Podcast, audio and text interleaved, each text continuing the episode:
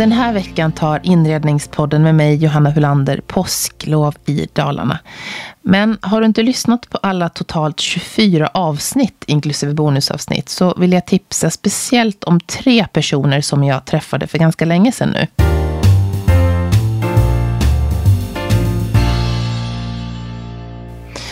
Lars Nilsson hör du i avsnitt 14. Han är den internationellt kända mode- och textildesignern som är något av en doldis i Sverige. Men är ett mycket välkänt namn i den internationella mode- och designvärlden. I det här avsnittet får du höra om hur han som 11-åring i Örebro startade med att sy scenkläder till rockband och så småningom flyttade till Paris som 18-åring för att gå på modeskola.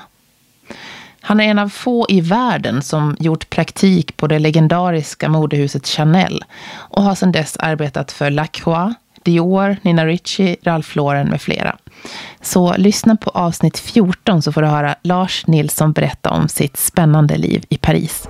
Med tanke på att du gick den väg du gick så måste du vara otroligt envis och mm. målmedveten. Men också väldigt följsam för att följa de här starka männens åsikter. Eller har du sagt att nej men nu Nej, man, det man jobbar med, med ehm, um, Lacale Galliano eller Lagerfeld så jobbar man ju för en designer och då gäller det att, att hitta en väg att kunna förenkla den här personens um, design um, arbete. Och man får ju nästan liksom se var handen går och vad ögat går. Vad, vad letar han eller hon efter?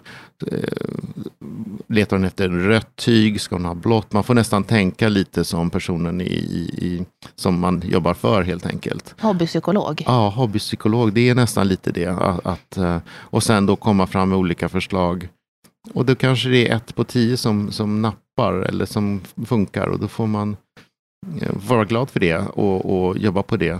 Multientreprenören Per Holknekt är den andra personen som jag vill tipsa om.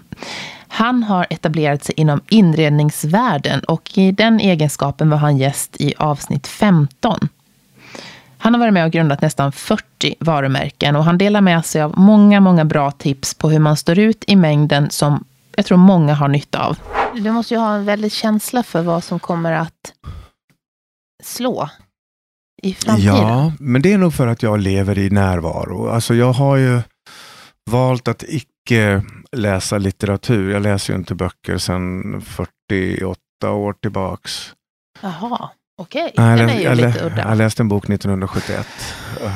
Fem söker en skatt av Enid Blyton fin prosa. Ja. Uh, jag tittar inte på bio, jag konsumerar inte musik, jag går inte på teater, jag går inte på konserter, uh, jag går inte, tittar inte på film, jag tittar knappt överhuvudtaget på tv.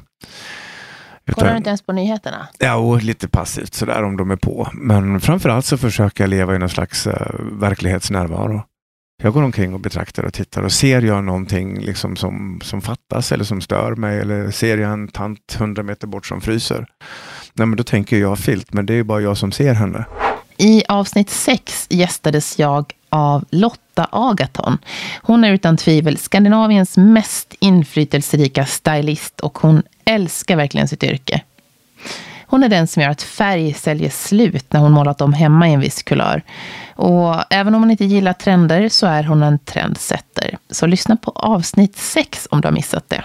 Men sen finns det ju så mycket. Det är också så här, ett att känna, varför ska alla vara stylister? Du kan, vissa som, alla som hade en blogg skulle vara stylister. Medan bara för att du är duktig på en blogg kanske du inte är en bra stylist. Men du kanske är en fantastisk bildredaktör på en tidning. Eller du kanske, alltså, det finns så mycket närbesläktade yrken. Ehm, så jag tror att titta på dig själv och vad, vad är du bra på? Och försök hitta din tårtbit. Och satsa på det. Inte så här, ja men det jobbet verkar bra. Eller jag, alltså, utan verkligen så här, titta på dig själv. Vad är din talang? Och så bygg vidare där.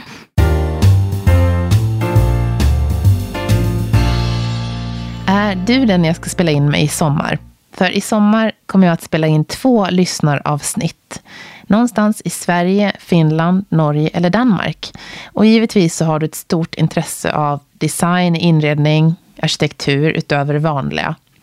Du kanske designat någonting själv eller har inrett på ett speciellt sätt eller samlat på något. Hör av dig till mig i så fall med bilder och kort fakta om dig eller den du tipsar om på mail till mig på info.joelhome.se. Och du kan också skicka direktmeddelanden på Instagram där jag finns under ett inrednings podden. Som vanligt påminner jag om att du kan prenumerera på podden så att du inte missar något avsnitt. Och så kommer äntligen det första nyhetsbrevet att skickas ut snart. Lämna din mailadress på inredningspodden.com så kommer du att få ett mail innan sommaren, det lovar jag. Nu önskar jag dig en riktigt glad påsk och hoppas att du får tid till att lyssna på många avsnitt av Inredningspodden. Jag är tillbaka nästa onsdag med ett nytt avsnitt som vanligt.